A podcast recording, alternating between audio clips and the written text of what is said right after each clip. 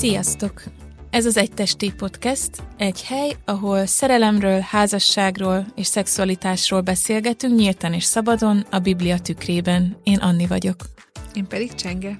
Az előző epizódban elkezdtünk egy kétrészes sorozatot a szex a házasságban, és elég sok teológiai és elméleti dologról beszélgettünk, ami nekünk nagyon közel áll a szívünkhöz, és mivel mi is úton lévők vagyunk, szexualitásunkban, a férjünkkel való kapcsolatban, az Isten kapcsolatunkban, ezért egy csomó-csomó dolog így útközben kristályosodik ki, meg tisztul, úgyhogy én nagyon örülök, hogy tudtunk ezekről beszélgetni. És a mai epizódot pedig egy picit gyakorlatiabb, gyakorlatibb kérdéseknek szánjuk. Úgy gondoltuk, hogy megér ez a téma szex a házasságban két epizódot. Igen. Igen, úgy, úgy beszélgettünk erről, mint keresztjén barátnők, Igen. feleségek, így tíz és hét éve házasok, így kicsit, mint hogyha egy ilyen női körbe lennénk, csak és bevonjuk a férfi hallgatókat is a, a beszélgetésbe. A felvétel előtt kávéztunk is egyet, most ide a stúdióba nem hozhattuk, de elképzeljük. igen, igen. Szóval, hogy így egy kicsit beszélgessünk olyan dolgokról, amikről nem biztos, hogy keresztjén nők egymás között szoktak, de hogy nagyon hasznos lenne, hogy kicsit tapasztalatot cserélni, már csak azért is, hogy az ember érezze, hogy nincs egyedül mm. a, a problémáival, vagy a kérdéseivel, szóval, hogy így így gondolunk ezekről a gyakorlati dolgokról beszélgetni, tehát nem feltétlenül, mint akik tudják a tutik, tutit, hanem hogy mint akik maguk is tapasztaltak dolgokat, feltettek kérdéseket.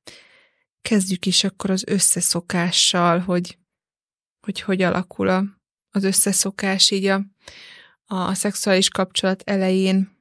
Volt ilyen kérdés, hogy nem jobb-e kitapasztalni még házasság előtt azt, hogy, hogy mit szeretünk, mi esik jól, hogy ne próbálkozzunk-e együtt még házasság előtt, hogy aztán házasságban ne csalódjunk. Mit mondasz erre, Anni?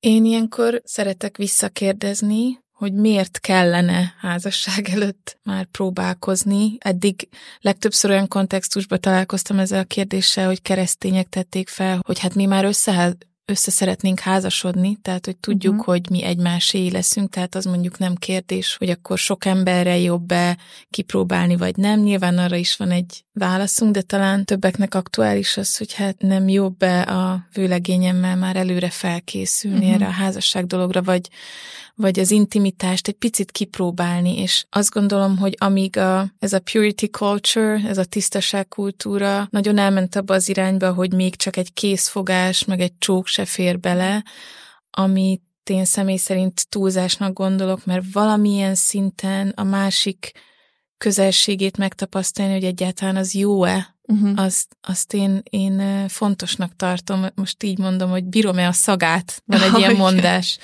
hogy, hogy milyen, milyen az, amikor ő megölel, milyen az, amikor megcsókol, de hogy a másik végletnek látom ezt a na próbáljuk ki, mert mi van, ha nem, ez is egy kicsit ilyen fogyasztói szemlélet, nem így keresztényként is, mm. hogy hát itt azért végeredményben nem az lesz a házasságon belül se a fókuszba, hogy nekem minden igényem pont úgy ki van elégítve, ahogy azt én szeretném, hanem hogy a másikat tudom-e jól szeretni, azt pedig így statisztikák alapján tudjuk, hogy nem, nem arról van szó, hogy akik kipróbálják előtte a szexet, vagy az együttélést, azoknak akkor, akkor tartósabb lesz a kapcsolata. Mert ugye ez van mögötte, hogy hát legyen tartósa a kapcsolat, ez mint érv. Te mit, mit gondolsz erről? Érdemes kipróbálni előre, attól félve, hogy milyen lesz majd? Hát én itt egy kicsit két motivációt Aha. tudok elképzelni az, az egész mögött. Az egyik az, hogy kipróbáljuk azért, hogy még most kiderüljön, hogy működik-e. Ugye ez szokott, amit gyakrabban mondanak. A másik meg az, hogy kipróbáljuk, hogy kicsit gyakoroljunk a nász éjszakára. Ugye az elsőre szerintem az most arról, tehát hogy arra én azt gondolom, és mindig is ez volt a nagy kérdésem már így házasként, amikor erre gondoltam, hogy kipróbálod házasság előtt egy bizonyos szituációba, és kapsz egy icipici, nagyon szűk metszetet abból, amilyen a szexuális élet. Igen. És akkor utána házasságot kötsz, és előtted lesz egy egész élet, amikor pedig olyan mértékben fog hullámozni az, hogy, hogy, tehát, hogy ez egy, ez egy változékony, egy dinamikusan változó dolog a szex. A, már ha csak arra gondolok, hogy nekem a, a szexuális étvágyam hogy változott az elmúlt hét évben, tehát ilyen óriási végletek között ingázott mondjuk így a, a gyerekszülések, meg stb. miatt, szóval, hogy, hogy egyáltalán nem egy reprezentatív lenyomat az, amit az ember egy kapcsolat elején felfokozott hormonális állapotba, stb. megél, szóval az biztos, hogy abból nem lehet túl messze menő következtetéseket levonni a, az egész életre, de hogy ez egy dolog. Még, még ehhez, ehhez a kérdéshez egy dolgot mondanék, hogy itt szokott felmerülni az a kérdés, hogy de mi van, ha két ember nem kompatibilis testileg. Uh-huh. És akkor én erre hallottam legtöbbször azt a választ, hogy ilyen nincs hogy két ember nem kompatibilis testileg. Én egy picit alázatosabban fogalmaznék, hogy biztosan van ilyen, hogy annyira extrém nagy a különbség mondjuk méretekben, hogy, hogy nagyon nagy gondot okoz így fizikailag az, hogy egymásnak örömet okozni. Tehát biztos van ilyen, mert hogy minden van az életben tényleg, de hogy a leges-leges legnagyobb részt a szexuális problémák, vagy amit ilyen inkompetenciának szoktunk hívni, az nem ebből fakad, hogy most mi testileg nem lennénk kompatibilisek. És azt gondolom, hogy ezekben az esetekben is, bár extra nehéz lehet, de hogy ott is, ha a pár egy olyan igazán jó kapcsolatban van, akkor valami, valamit ki tudnak találni. Tehát, hogy vannak nagyon nehéz élethelyzetek, csak ezt akarom mondani, de hogy ez az az elenyésző ritkaság, azt gondolom, és hogy ettől nem kell félni, hogy mi van, ha mi testileg nem passzolunk, mert mert egyszerűen legnagyobb valószínűséggel passzolunk, és a szexuális problémáink az nem ebből fakad. Legtöbbször kapcsolati dolgok vannak, érzelmi, ugye szoktuk mondani, hogy a nőknek a, az agya a fő igen, ö, szexuális szerve, vagy szex, nemi szerve. Igen, vagy az orgazmus igen. központ az az agy, ez közhelyes, de így van. és akkor most erre a másik részre Igen, és a másik, igen, hogy, hogy azért gyakoroljunk előre, mm-hmm. hogy aztán de ezzel kapcsolatban meg szerintem az a, az a téves gondolat, hogy, hogy úgy néz a pár a nász éjszakára, mint ami, nem tudom, egy nagy előadás, ahol aztán teljesíteni kell. Tehát, mm. hogy a, ahol aztán mindennek jónak kell lenni, és hogy én egy kicsit átkeretezném, és én azt gondolom, hogy a nász éjszaka nem arról szól, hogy ott tökéletes ö, nemi aktusnak kell megvalósulnia, hanem... Bármi legyen is az. igen, igen.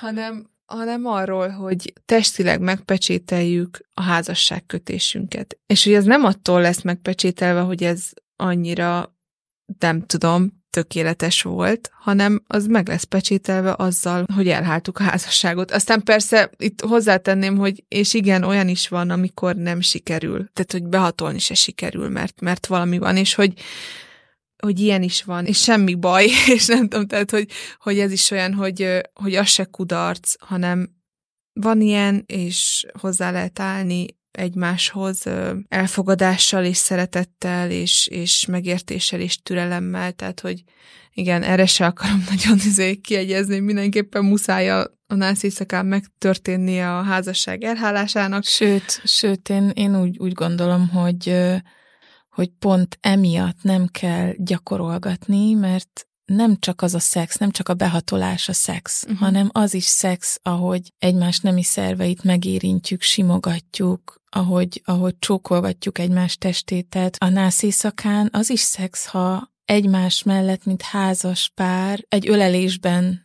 fekszünk. Tehát, hogy, hogy, ne, hogy, és épp ezért van az, hogy most mi fér bele, mi nem fér bele házasság előtt.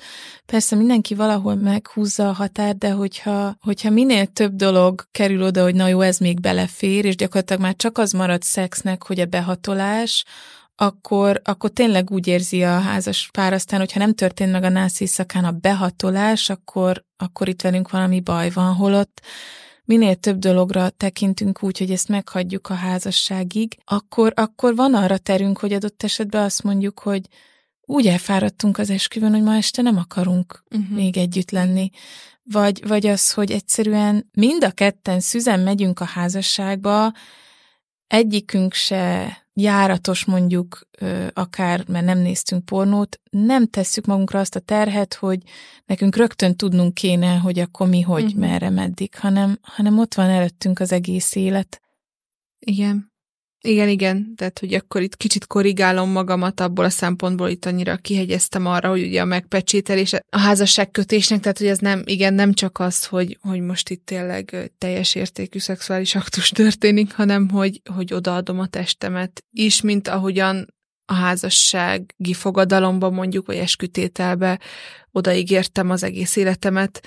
A másiknak, akkor most így a, a, ezt a testi önátadásra is megpecsételem. Szóval egy kicsit így Igen. átkeretezném azt, hogy mm. mi itt a, a nász éjszakának a, a célja, vagy most akkor nevezzük akárminek az első, első együttlétnek a célja. Hát Tehát, hogy igen. van így, van tér a gyakorlásra, egymás megismerésére. És hogy a, a szexel gyakorlatilag a, a testünkkel kifejezzük azt, amit kimondtunk az oltárnál, hogy mi uh-huh. mostantól együtt.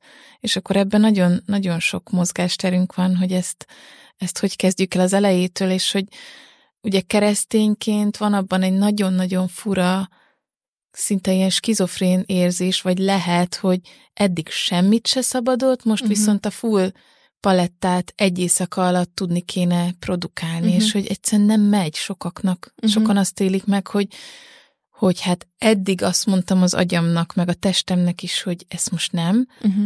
és most meg hirtelen, és hogy főleg a nők tudnak ebben nagyon belesérülni, mert a férfi test úgy van megalkotva, hogy ő nekik azért nem sokat kell ezen gondolkodni, hogyha ha meglátlak ruha nélkül, akkor most akkor mit is akarjak csinálni, de, de, de nőként ezek hosszabb folyamatok lehetnek. Az viszont lehetséges, hogy készüljünk uh-huh. máshogy, mint gyakorlatba a házasság előtt, és ez azért jó is, uh-huh. és én bátorítanék is mindenkit, hogy olvasson jó könyveket, már az előző részben is említettünk jó könyveket, nem említettük, amit mondani akartam, hogy most nemrég, hát mondjuk már több mint egy éve, ö, akik a, a szexualitás ajándékát írták, ők nekik jelent meg ö, két könyvük, egyik férfiaknak, másik nőknek, és én még nem olvastam, de Nekem nagyon szerettem van, hogy elolvassam, de... Igen, igen, már nagyon régóta tervezem én is, de kiindulva abból, hogy a, az előző könyv is jó volt, akkor valószínűleg ez is. Már az is egy ígéretes dolog, hogy külön-külön könyv készült a férfiakról és a nőkről, úgyhogy esetleg ezt is meg lehet nézni. Szóval, hogy igen, fontos azért valamilyen szinten készülni erre, meg én szerintem az is egy jó dolog, hogyha az ember beszélget a, a párjával, már csak azért is, hogy feltérképezzük a másiknak a, a gondolatait, így a, mert hogy annyira bele tudunk a saját ö, fantáziáinkba burkolózni, és, ö, és néha olyan sokkoló is tud lenni, hogy, hogy mondjuk egy-egy fantáziámról mit gondol a másik, vagy teljesen elfogadhatatlannak tartja, vagy, vagy, vagy neki is tetszik, vagy ilyesmi, szóval ezekről így jó beszélgetni ha már érdemes így beszélgetni, meg tájékozódni, mhm. elmondom, hogy én milyen tanácsokat kaptam, mielőtt férhez mentem, ami olyan volt, hogy, hogy igenis segített. Az egyik az az volt, hogy vigyünk síkosítót. Ez csak egy ilyen praktikus tanács, főleg az elején, amikor mind a kettőnknek első élmény, meg az első időszakban ez tud segíteni. A másik teljesen praktikus és triviális tanács, hogy nőként menjek el pisilni az együttlét után, mert akkor nem fogok felfázni, és hogy ezek csak olyan apró dolgok, amik az amúgy is ismeretlen helyzetbe egyfajta magabiztosságot adnak, mm. hogy egy picit tudok rá számítani, vagy az, hogy nem tragédia, hogyha segítünk egymásnak mondjuk a behatolásban, uh-huh. hogy hogy legyünk, tehát hogy meg lehet egymást érinteni így uh-huh. úgy, tehát hogy ezek egy, egy olyan embernek, aki még soha nem volt együtt valakivel, ezek támaszpontok lehetnek, és azóta én is megosztom a saját gondolataimat, hogy meg lehet az beszélni, ha két ember nem éjszakai bagoly típus, hogy mi nem az esküvőnk estén leszünk együtt uh-huh. feltétlenül. Aztán lehet, hogy máshogy alakul, de ezek szerintem felszabadító dolgok. Mert hogy a, a szex az nagyon sok szempontból egy praktikus dolog, és ott mindenféle eszközök kellenek, hogy legyen, hogy fény, vagy zsepi, vagy mit tudom én, amikre úgy nem, nem gondolunk, és, és ezek segítségek tudnak lenni. Igen. Nekem még eszembe jutott egy, egy ilyen, ilyen praktikus dolog, hogy, hogy jó előre átgondolni azt, hogy mondjuk szeretnéd-e, hogy legyen alattatok egy törölköző, hát vagy hogy oda legyen készítve, mert hogy ebben se vagyunk egyformák, hogy mit csinálunk azzal igen. a helyzettel, amikor ugye a... Testnedvek. Igen, testnedvek, stb., hogy ez valakit zavar, hogyha mondjuk egy hotelszobában uh-huh. vagy, mhm. akkor nem akarsz a lepedőn foltot hagyni, stb. Szóval, hogy így jó ezeket átgondolni előre, amit ugye alapvetően lehet, hogy nem gondolná rá egyáltalán, hogy hát igen, most az együttlét után összebújunk, vagy elmegyünk zuhanyozni. Hát igen. Vagy, tehát, hogy ilyen... Szoktam nevetni, hogy a filmekbe ott soha nem mennek zuhanyozni, ott mindig uh, kitölnek az ágyba, és hogy Egyébként... van, aki ilyen, van, aki olyan. Lehet, hogy van, akit nem zavar. Persze. Valaki más meg azonnal rohan, mert nem bírja elviselni. Volt egy olyan kérdés is, hogy ha eleinte nem jó, akkor elége imádkozni, és jó lesz. Hát, hogy mit, mit kezdünk azzal a helyzettel, amikor, amikor nem jó. Hú, annyiféleképpen lehet nem jó. hát igen. Meg ez az elég imádkozni, kicsit el tudom képzelni azt a helyzetet, ahogy valaki egy ilyen lerázó választ kap, amikor hmm. előhozza a fájdalmát, hogy nem jó, hogy hát imádkozz, és akkor majd jó lesz. Tehát nyilván ez, ez így nem. Elég kevés dologgal kapcsolatban mondanám ezt, hogy csak imádkozz és jó lesz, mert ezt nem tudom megígérni senkinek, azt tudom mondani, hogy ott lesz veled az Úr, és hogy imádkozz mindenképp. Uh-huh. Az... Igen, a, nagyon sokféleképpen lehet ezt Igen. egyébként mondani. Mondhatom úgy is, hogy közben ténylegesen az van bennem, hogy nézd, nem látok más, mm. nem látok emberi megoldást, azt viszont tudom, hogy Istennek semmi sem lehetetlen, és hogy fordulj Istenhez, és imádkozz, és én is imádkozni fogom, fogok érted. Tehát, hogy alapvetően lehet ez egy ilyen mögött, meg az is lehet, hogy hát imádkozz, és akkor majd, tehát, hogy lehet egy ilyen, egy ilyen lerázás is. Egy fiatal házas párnak viszont biztos, hogy nem ezt mondanám, hogy csak imádkozz, és jó lesz, uh-huh. mert hogy a legtöbb esetben azt gondolom, hogy lenne megoldás. A megoldás alatt nem azt értem, hogy tökéletes szexuális élete lesz valakinek, hanem az, hogy azok, azokat a nehézségeket, azokat a mély fájdalmakat uh-huh. átdolgozni, átbeszélni, akár sokszor információhiány miatt, ahogy az előző epizódban mondtad, hogy egyáltalán gyakorlati dolgok a női orgazmusról, hogy egyszerűen nem tudjuk, mert legtöbben nem úgy nőttünk fel, hogy erről bárkivel is beszéltünk volna, vagy ha valamilyen infónk volt, az általában ilyen fél, fél információ, szóval, hogy... Igen, igen, az is lehet, hogy csak torz információink hmm. vannak, vagy nem jók, vagy nem tudom, a filmekből adódóak, vagy, vagy, vagy ilyesmi. Vagy a pornóból, igen, azzal kapcsolatban, hogy mit kellene elvárnom magamtól, és mit kellene elvárnom a másiktól, és lehet, hogy megfelelő edukációval egyszerűen eltűnik a probléma, mert rájövünk, hogy ja, ez nem is így működik. És nagyon sokszor pedig tényleg ö, valós elakadások vannak, Igen. Amik, amik hosszú, akár hosszú segítővel való, vagy lelkigondozóval, vagy pszichológussal való kapcsolatban tudnak gyógyulni. Úgyhogy én, én biztos, hogy azt tanácsolnám, hogy ezekről valakivel beszélni uh-huh. kell. És itt hoznánk be azt a statisztikát, amit most újra kikerestünk itt az epizód előtt, hogy a nőknek körülbelül a fele olyan, hogy mindig vagy majdnem mindig átél orgazmust ö, együttlét során, itt házas nőket kérdeztek, és a nőknek az egyharmada olyan, aki vagy soha, vagy alig. És hogy ez azt gondolom, hogy ez egy elég nagy szám, és önmagában ezt tudni, hogy a női szexualitás az nem testileg nem egy olyan magától érthetődő, mint a férfi. Uh-huh. Férfiaknak extrém ritka, hogy egy együttlét során ne legyen orgazmusot általában valami más az oka, mint, mint így a... Kevés, kevésbé normális. Extrém ritka, igen. Nőknél viszont elég gyakori, és hogy ha már önmagában ezt tudom, és így indulok neki a házasságnak, akkor kevésbé érzem azt, hogy én velem valami nagyon nagy baj van, vagy pedig a férjemmel, vagy velünk így kettőnkkel. Aha. Például ez, hogy nem vagyunk kompatibilisek. Igen, és akkor át is eveztünk arra, arra a témára, hogy különbözőek vagyunk, férfiak hmm. és nők, és nagyon különbözőek vagyunk, és néha már úgy tűnik, hogy annyira különbözőek, hogy ez egy kozmikus vicc, mm. hogy, hogy mégis férfiak és nők vágynak egymásra. És most így eszembe jutott egy sztori, amikor Zoli mesélte, hogy látott egy cikket, aminek az volt a címe, hogy nem tudom, tíz ok, hogy miért próbált ki a leszbikus szexet, mm. azt hiszem ez volt.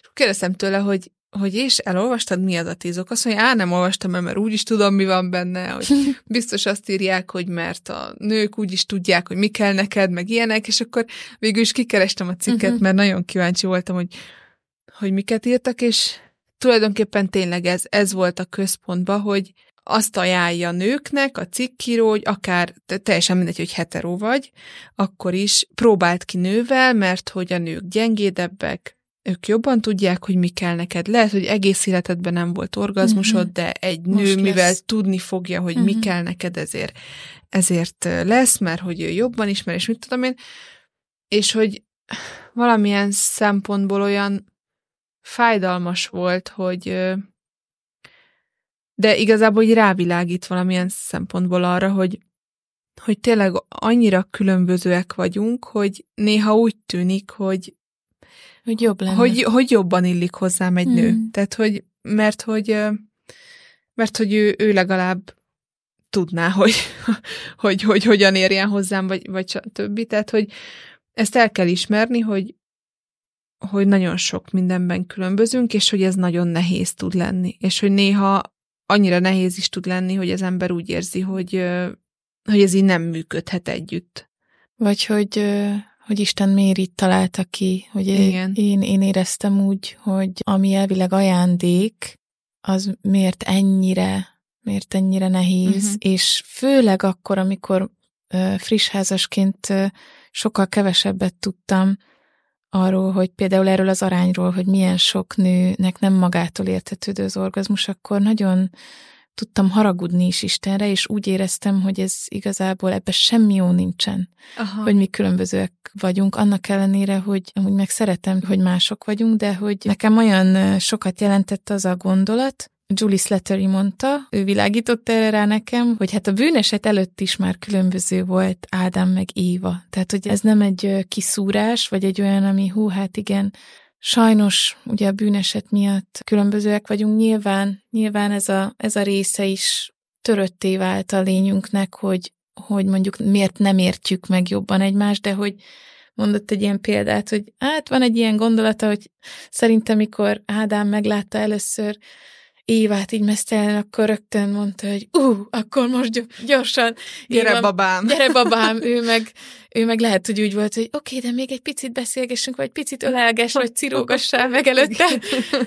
és hogy, hogy valahogy Isten így látta jónak így ezt az Isten képmás létet, és hát tudjuk egyébként a gyakorlati okait is, hogy milyen jó az, hogy különbözőek vagyunk. Most csak egy egészen egyszerű dolog, hogy unalmassá is tud válni akkor egy, egy szexuális élet, hogyha mindig teljesen kiszámítható, hogy hogy, hogy meg mint a, a férfiak olyanok, mint egy, egy nagyon jól kiszámítható autó, hogy berobban, és akkor megy a nő, meg, meg olyan, mint egy ilyen, nem tudom.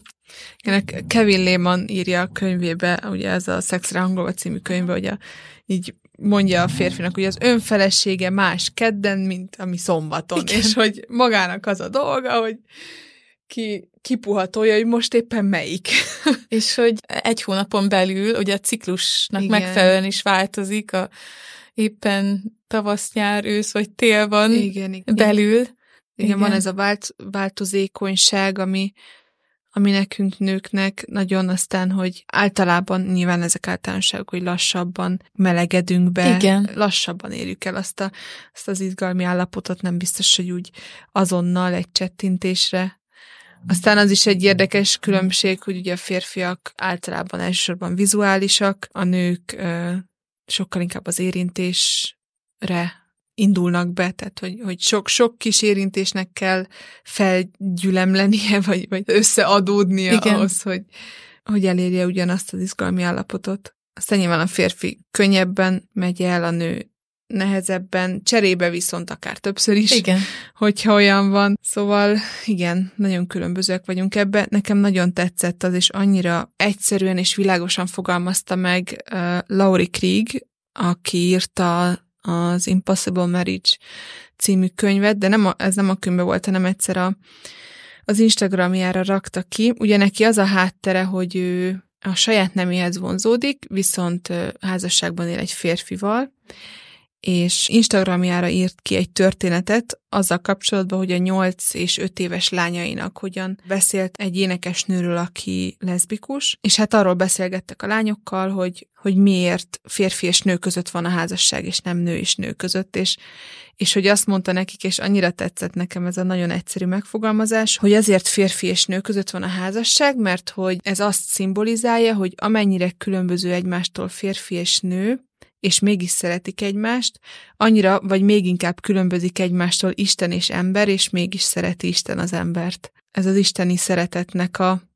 szimbóluma van benne ebben a, ebben a különbözőségben. Azt hiszem, ezt is Julie Slattery mondta, igen, ugyanezzel kapcsolatban, hogy a, a különbözőségeink, azok tisztítják a szeretetünket egymás iránt. Tehát, hogy mivel, hogy valahogy bele van ebbe az egészbe kódolva, hogy nekem fel kell adni magamat, és a saját vágyaimat. Tehát, hogy, hogy a férfinak le kell lassítani magát, a nőnek adott esetben ö... Ö, jobban talán ki kell nyitni magát akkor, amikor éppen magától inkább, nem tudom, filmet nézne. Igen, ha, igen, igen. És, és azt gondoljuk sokszor, hogy csak addig kell mondjuk lemondanunk vágyainkról, ameddig nem vagyunk házasok. Uh-huh. És ezt is Julie Satori mondta, hogy ezt miért gondoljuk így? Tehát a házasságon belül is lesznek olyan vágyaink a szexualitás terén, amiről le kell mondanunk a, ugye a másik érdekében, uh-huh. vagy azért, mert együtt akarunk lenni, vagy azért, mert nem, vagy máshogy, uh-huh. és hogy amit mondasz, hogy egyszerűen benne van abban is, ahogy örömöt adunk, meg kapunk, egy ilyen, egy ilyen folyamatos önátadás, hogy nem csak én vagyok ebbe a, a dologba.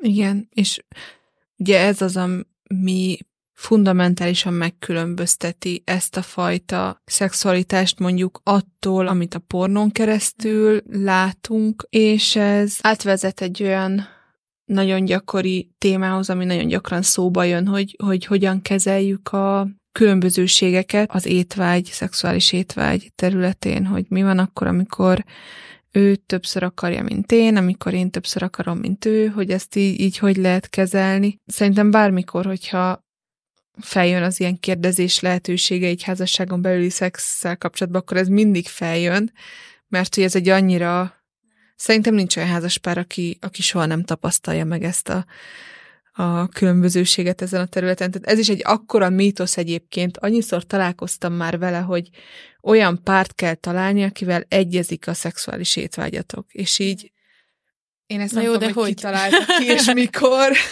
de hogy, vagy hogy, mert hogy a, a vállásoknak is mekkora arányban az az oka, hogy, hogy mert hogy, hogy a, nem tudom, a nő nem akart szexelni, a férfi meg igen, tehát, hogy na Ez igen. nagyon nagy általánosítás amúgy, hogy így most igen, emögött mi van. Ja, tehát, hogy alapvetően az egy normális dolog, hogy szexuális étvágy között eltérés van. Tehát, hogy már csak azért is, amit ugye beszéltünk, hogy a nőknek a ciklusukkal is változik, meg nagyon sok minden mással is változik. Férfiaknál pedig, ha jól tudom, akkor 18 éves kor körül tetőzik, és onnantól kezdve szépen nagyon lassan csökken lefelé a, az étvágyuk, de hogy, hogy ez ebben az időben nagyjából azonos marad, bár ez is egy, egy, egy nagyon érdekes dolog, hogy egy gyerek születése után, hogyha a férfi sokat ölelgeti, meg sokat kapcsolódik, a, tehát hogy foglalkozik a kisbabájával, akkor prolaktin termelődik a szervezetébe, ami lenyomja a tesztoszteron szintjét, és hogy igazából a férfinak is lecsökken a, a nemi vágya ebben az időszakban, ami szerintem nagyon érdekes, hogy, hogy nem csak Nagyon a, különleges, igen. a nőknél van ilyen. Általában azért a férfiaknak magasabb a, a szexuális étvágya, mint a nőknek, de ez sem, ez sem olyan, hogy ha fordítva van, akkor az, az baj. Fú, erről olvastam egyszer egy statisztikát, de sajnos nem fogom tudni mondani, de az a lényeg, hogy meglepően magas volt azoknak a házasságoknak az aránya, ahol a nő a nagyobb étvágyal rendelkező. Egyébként ez nagyon-nagyon össze tud függni, hogyha azt tapasztalja valaki, hogy ő neki nőként sokkal magasabb, mint a férjének. Nagyon is elképzelhető az, hogy a, a férj egyéb módokon oldja meg a dolgot. Tehát, hogy mondjuk pornófüggő, és Mhm. akkor azt fogja mondani, hogy inkább nem. És nagyon sok nő küzd ezzel, hogy, hogy nem érti azt, hogy a férje miért nem akar mondjuk együtt lenni vele. Igen, hát olyankor, hogyha ha a férfi konkrétan nem érdeklődik a felesége iránt. Tehát, hogy tegyünk különbséget, hogy amikor nem nagyon érdeklődik, meg amikor a nőnek picit magasabb az étvágya. Ja, hogy, hogy te arra mondod, hogy picit magasabb, hogy csak egy Mhm. picit. Na de mit lehet ezzel kezdeni? Mit mondanál a feleségnek, aki azzal küzd, hogy a férje állandóan nyaggatja?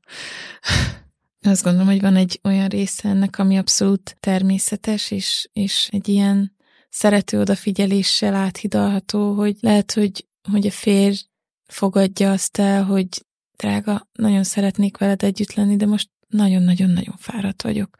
És lehet, hogy a feleség mondja azt, mind a kettő saját tapasztalat, hogy most nagyobb kedvem lenne filmezni, de tudom, hogy jó lenne együtt lenni, és akkor inkább legyünk együtt. Vagy az is egy ilyen mítosz, hogy csak akkor jó a szex, hogyha mind a kettőnknek az elejétől kezdve kedve van hozzá, hogy Mhm. uh-huh. sokszor nőknél kifejezetten, sokszor, de férfiaknál is lehet ilyen, hogy közbe jön meg a kedv, és Mhm. hogy, hogy én el tudom azt képzelni, egy egészséges és szerető közegben, ahol nincs nyomás, nincs presszió, hogy egyszerűen csak a másik kedvéért elkezdjük az együttlétet. Uh-huh. És közben legtöbbször tényleg megjön a, a kedv hozzá, és ahol viszont ez, ez ilyen permanensen probléma, hogy, hogy az egyiknek soha nincs kedve, vagy nagyon-nagyon nincsenek betöltve a másiknak a szükségei, ott viszont azt gondolom, hogy ezek, ezek kapcsolatdinamikai dolgok, és nem elsősorban a szexről szólnak. Uh-huh. Te mit gondolsz? Én is azt gondolom, hogy ez egy ilyen több rétegű történet Mm. lehet, tehát hogy igen, van az a szint, amikor simán csak eldöntöm, hogy jó, én akkor most azt választom, hogy hogy, hogy együtt leszek veled, és akkor ez egy, ez egy tudatos döntés, és majd a testem pedig követi ezt. Viszont van olyan is, amikor nem. És én ezt megtapasztaltam, és az nagyon nehéz volt, uh-huh. amikor hiába döntöm el, hiába vagyok akaratilag teljesen benne, a testem egyszerűen nem válaszol arra, amit, ahogy döntöttem, és hogy en- ennek mondjuk meg, tudtam a, a hormonális testi okait, hogy miért volt így, de attól még nehéz volt. És hogy ebben a helyzetben minket csak az segített ki, hogy kreatívan próbálkozni, hogy, hogy mi az, ami bejön. Hogy, mert hogy az, ami régen működött, az most már nem működik, akkor most, most valami új, újat kell ö, kicsiszolni, valami új dologgal kell előjönni, ami, ami segít, és aztán meg is találtuk, és ez egy, az meg aztán annyira jó volt, hogy végre megvan, és mondjuk ez hetekbe telt, tehát hogy én ezt is nagyon sokszor olvastam az ilyen keresztjén feleségeknek szóló könyvekben, általában ez szokott lenni, hogy egyszerűen csak döntsd el, írd be a naptáradba, mit tudom én, és ezek amúgy nagyon rendkívül hasznos dolgok, csak van olyan szituáció, Amikor nem amikor, elég. amikor nem elég, Igen. mert mondjuk van valami fizikai oka. Aztán olyan is van, amikor meg valami lelki oka van. Vagy egy időszak például, a, a, amikor kicsi gyerek van, vagy baba van otthon. Igen. Én, én sok mindennel kapcsolatban úgy gondolkodtam még, mielőtt férjhez mentem, hogy hát én annyi mindent tudok fejbe, én nekem annyi információm van, Mhm. hogy oda kell figyelni a férjire, hogy ne az legyen, hogy a baba akkor kisajátítja az Mhm. energiáimat, és hogy nem szabad akkor ezt meg azt, és akkor úgy eldöntöttem, hogy hát én nem is így fogom csinálni, de hogy átéltem az első gyerekünk születése után nem, de a másodiknál, hogy olyan szinten fáradt voltam, uh-huh. hogy, hogy nagyon-nagyon nehéz volt, hogy így mondjam, rászánni magam, mert egyszerűen a kimerültség ott volt, és hogy, hogy sok minden egyszerűen az élet szakaszból következő változás, ami nem jelenti uh-huh. azt, hogy akkor nem lehet ezzel foglalkozni, vagy, vagy trükközni, hogy akkor legalább legyen olyan idő uh-huh. napközben, amikor mi kettesbe tudunk lenni, de hogy, hogy ezekre lehet úgy számítani, hogy igen, egy gyerek érkezésével például a szexuális étvágy egyszerűen megváltozik, és a fáradtság az, az például egy igen kisgyerekes anyáknak egy tényleg egy olyan dolog, hogy az, az kínzó, és valahogy ebben tudni egymásra figyelni, az egy, az egy érdekes és különleges dolog, és még egy személyes tapasztalatom, hogy én azt gondolom, hogy sokszor feleségként, nőként alulértékeljük a férjünknek a tűrőképességét, ezt sokszor tapasztalom, hogy mondják nők, hogy mennyire ritkán vannak együtt, de hát, de hát a férj valahogy kibírja, és akkor lehet, hogy kibírja, uh-huh. csak hogy azért az nagyon nehéz, uh-huh. hogy uh, nyilván nem fogok, meg nem is akarok, meg nem tudok olyat mondani, hogy mennyi az annyi, de hogy, uh-huh. hogy ez azt gondolom, hogy egy ilyen egymásra figyelést igényel, hogy, hogy valóban mi elvárjuk, hogy a férfiak megértsenek minket, de hogy, uh-huh. hogy mi is, mi is, és nem fogjuk tudni soha teljesen egymás tudni, hogy a másik hogy érez, de hogy igen, ugye ez is annyira kétirányú dolog egyébként. Hmm. Én például, tehát én mondjuk nőként, hogyha ha ez a helyzet, hogy ha én vagyok a, az alacsonyabb igényű, Igen, vagy aki kevesebbszer kívánja, akkor én beletehetem azt, hogy azt mondom, hogy oké, okay, én hogy téged választalak, hogy, hogy együtt legyünk, nekem ez fontos, hogy minél gyakrabban legyünk együtt, hogy fontos, hogy ne tegyelek ki felesleges igen, kísértésnek, igen, igen, nem? Igen, igen, abszolút de hogy másrésztről meg az is annyira sokat tud segíteni ebbe, hogyha a férj sem úgy van ott a másik oldalon, mint aki csak elvárja. Hát persze. Hogy, vagy, tehát, hogy nekünk például, amit említettem az előbb ebben a nehéz időszakban, az volt nagyon jó, hogy előtt tudtunk állni olyan ötletekkel, amik könnyűvé tették számomra azt, hogy igent mondjak. Tehát, hogy mm igazából erőfeszítésmentessé. Mm. Nem volt az, hogy igent mondok, és akkor még utána erőfeszítést mm. is kell tennem azért, hogy kellően hangulatba jöjjek, vagy bármi, hanem hogy igazából én átadom magam, igent mondok, és akkor Zoli meg könnyűvé teszi nekem igen. azt, hogy, hogy igent mondjak. Tehát, hogy nem ez nagyon nagy dolog. Abszolút érthető, érthető igen. És uh, nyilván ezzel, amit én is mondtam, ezzel nem azt mondom, hogy a feleségnek a felelőssége, mm, a férfinek igen. a, a szexuális szentsége, tehát ez biztos, hogy nem mondom. Igen, igen, igen. Ez egyszerűen arról beszélünk, amikor amikor ideális esetben mind a két fél úgy áll hozzá ehhez a dologhoz, hogy ez a mi közös ügyünk, és szeretjük egymást, és azt próbáljuk keresni, hogy, hogy tudunk egy picit kedvezni Igen. a másiknak. Igen, Igen ez... hát ez, ebben is abszolút annyira benne van az, hogy ez mindkettőnk részéről valamilyen szinten áldozattal, meg önfeladással uh-huh. jár, meg azzal, hogy teljesen beleteszem magam, uh-huh. hogy, hogy itt vagyok, érted, és odadom magam neked, és ahogy mondjuk az önkielégítésnél ott tényleg akár egyszerűbbnek is tűnhet, hogy uh-huh. oké, okay, akkor megoldom magamnak. Igen. Hogy itt pont egy másik fajta dolog van jelen. És akkor még egy nagyon izgalmas téma van hátra, ami szintén nagyon sok kérdésnek a tárgya szokott lenni, hogy ugye a változatosság a házastársi szexuális életben, és hogy mi fér bele, mi nem. Az is ide tartozik, hogy hogy lehet megtartani a szenvedélyt hosszú távon. Neked mi a szabályod, van valami szabályod, ami alapján eldöntöd, hogy, hogy mi az, ami lehet, mi az, amit nem lehet? Én az anyukámtól hallottam egy jó alapszabályt, amit, amit mostanáig is így gondolok, hogy minden, ami szeretetből van, azt lehet, uh-huh. és ez viszont egy olyan dolog, amit azért ki kell fejteni. Igen, mert nehéz meg Nehéz, ö, hogy kinek definiálni, jelent. hogy mit jelent a szeretet. Azt gondolom, hogy elég tág az, amit megélhetünk. A, tehát elég nagy a szexuális szabadságunk, uh-huh. így házasságon belül. Nekem a személyes meggyőződésem az az, hogy ami nem fér bele, az az anális szex, uh-huh. És minden olyan dolog, ami direkt fájdalomokozásra van kitalálva. vagy uh-huh. megalázásra. Azért nehéz erre válaszolni, mert a pornó az hihetetlen módon ö, befolyásolja a szexuális preferenciákat és az ízlést, és például a mai fiataloknak nagyon sokszor az anális szex a belépő a szexuális uh-huh. életbe, mert amíg a mi fiatalkorunkig az anális szex az abszolút nem volt egy ilyen bevett, elfogadott uh-huh.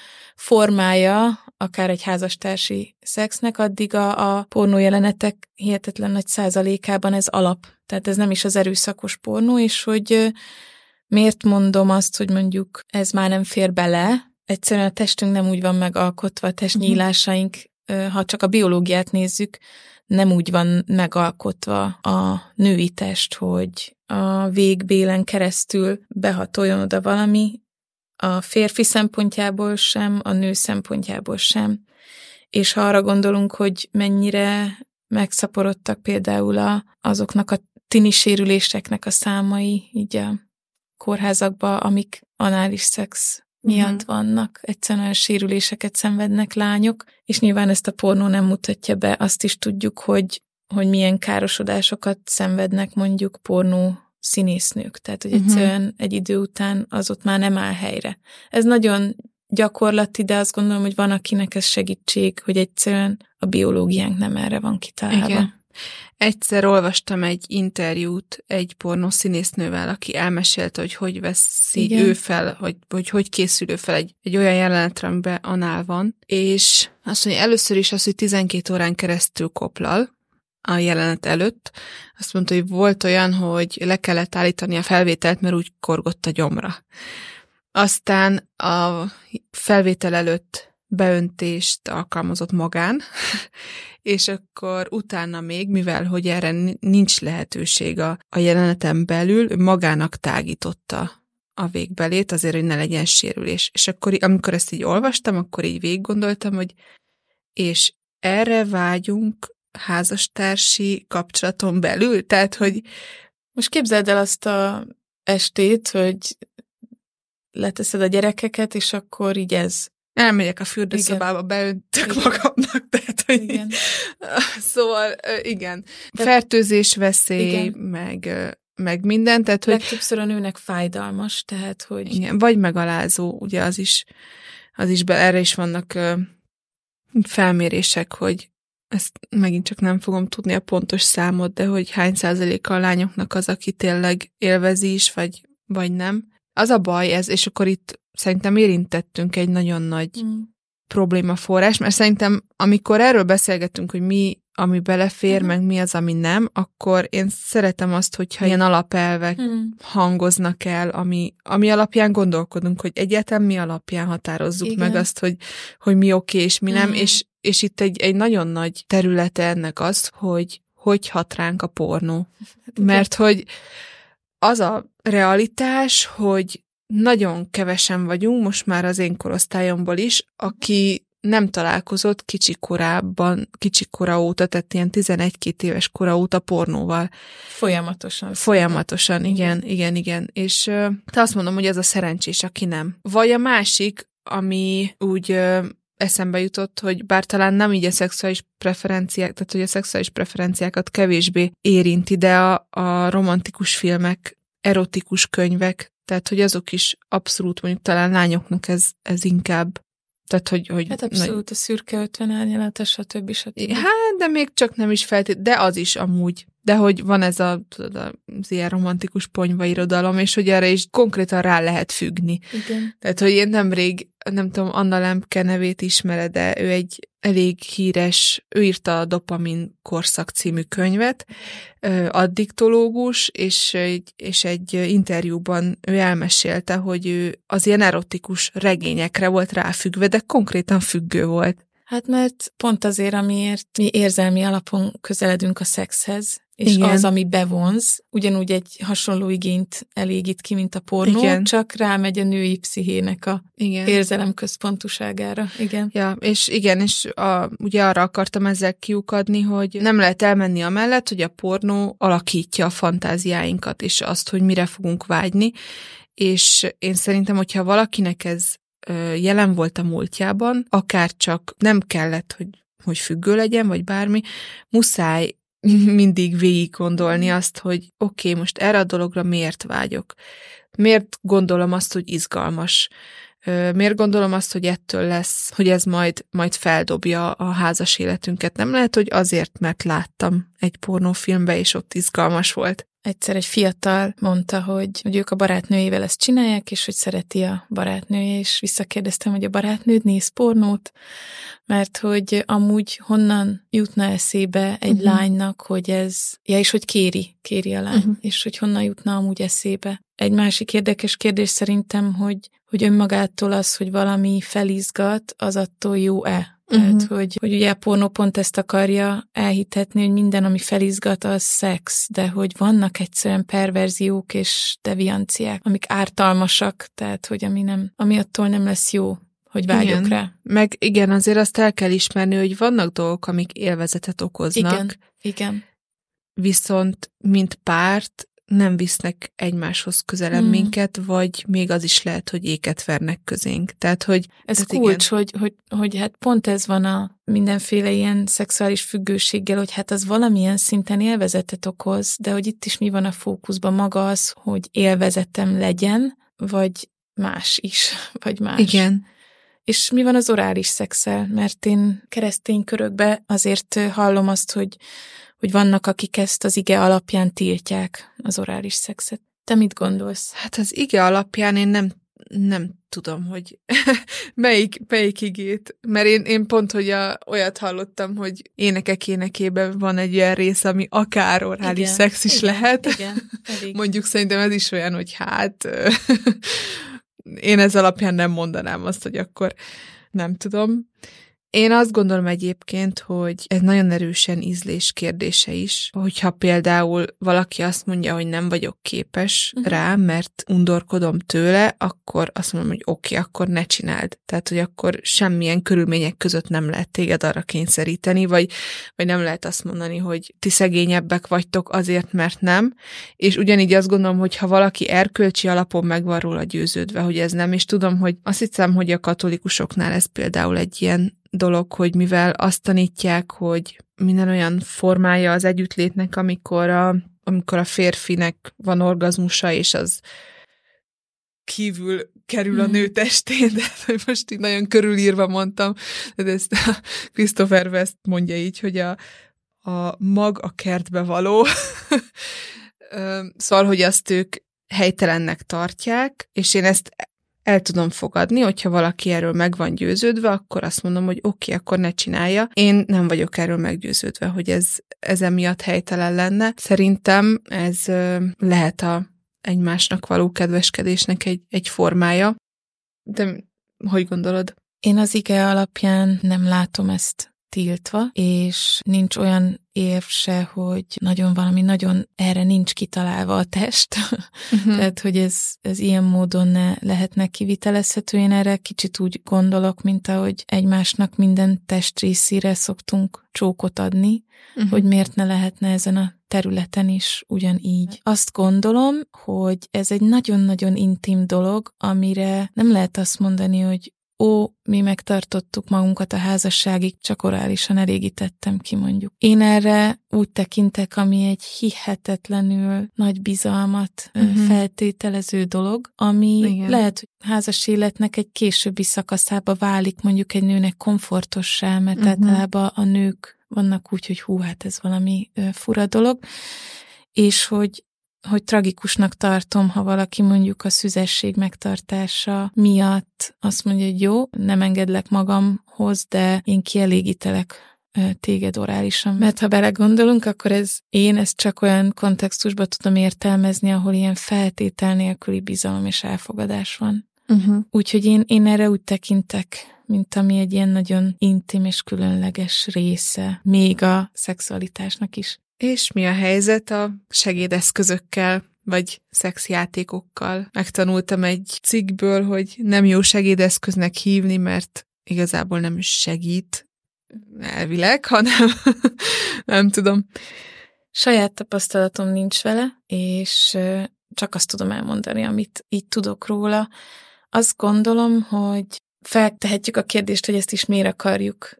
Tehát, hogy sem, hogyha pornót egyáltalán nem láttam, akkor lehet, hogy egy csomó minden eszembe se jut, hogy az, az nekem kéne. Nyilván tényleg nagyon nagy szabadságot kaptunk, azt gondolom abban, hogy mit és hogy éljünk meg. Most, ha konkrétan ilyen tényleg segédeszközre, mint például vibrátorra gondolok, arra, azzal kapcsolatban azt tudom, hogy egyszerűen hozzá tudsz oktatni egy olyan fajta stimulációhoz, amit egy, egy férfi nem biztos, hogy meg tud nekem adni. Igen és, és kérdés, hogy, hogy ki akarok-e tolni magammal ilyen módon, de mondom, ezzel kapcsolatban nincsen nekem saját tapasztalatom.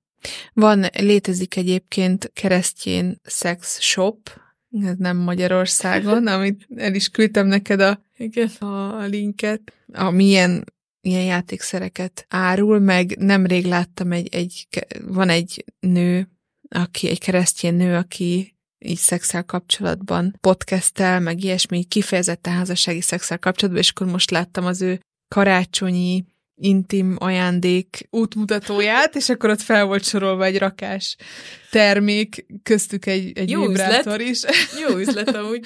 Igen, amúgy én azt gondolom, hogy vannak, egyébként vannak eszközök, ami, ami akár tök jó lehet. Mire Igen, gondolsz? Azért, például arra mondtad, hogy, hogy neked megakadt a szemed rajta ez a párna, ami így van egy ilyen különleges ja. alakú párna, ami így Ja, hogy a der- derekat meg lehessen igen. támasztani vele. Igen, igen. Az... Ez mondjuk nekem nem tartozik igen, a amúgy segédeszköz, ez... vagy ezt, ezt a, ezeket a kégellabdákat sem mondanám ennek, amit, igen. amit a, a, az intimizomzat erősítésére, most ilyenekre gondolok, hogy Mondjuk azt, úgy, azt nem is együttlét közben alkalmazza nem, nem, az ember. Nem. Ezek számomra az ilyen kis trükszik, ilyen kis praktikák. Szerintem ennél is a, a így a, a szexjátékoknál is az az elv szerintem, hogy az ember lecsekkolja azt, hogy hogy honnan ered. Az indítékait, az in- ugye? Igen, az indítékaimat, hogy, hogy, hogy hogy néz ki az a fantázia, ami így a fejembe van. És itt megint ugyanaz szerintem, mint az orálnál, hogyha valaki megvarul a győződve, hogy nem, akkor annak nem. Akkor ő nem kell, hogy ebbe megváltoztassa a véleményét, nem marad le semmiről. De ha esetleg tiszták, az indítékai, akkor azt mondom, hogy próbálja meg. Aztán az is lehet, hogy időközben kiderül, hogy hát ez nem az volt, mint aminek, aminek gondoltam, és hogy kipróbáltam, nem jött be. Tehát, hogy akkor sincs semmi. Tehát én abszolút megadnám ezt a szabadságot, nyilván bizonyos keretek között a kísérletezésre, meg, meg, meg kipróbálásra. Szerintem, ha valakiben megvan a Szentlélek, és Isten szeretné dicsőíteni a, azzal, amit, amit csinál, és a házas életével is, akkor figyelj, jó úton van. Jó úton van, igen, tehát, hogy akkor a Szentlélek figyelmeztetni fogja, hogyha valami hülyeséget csinál,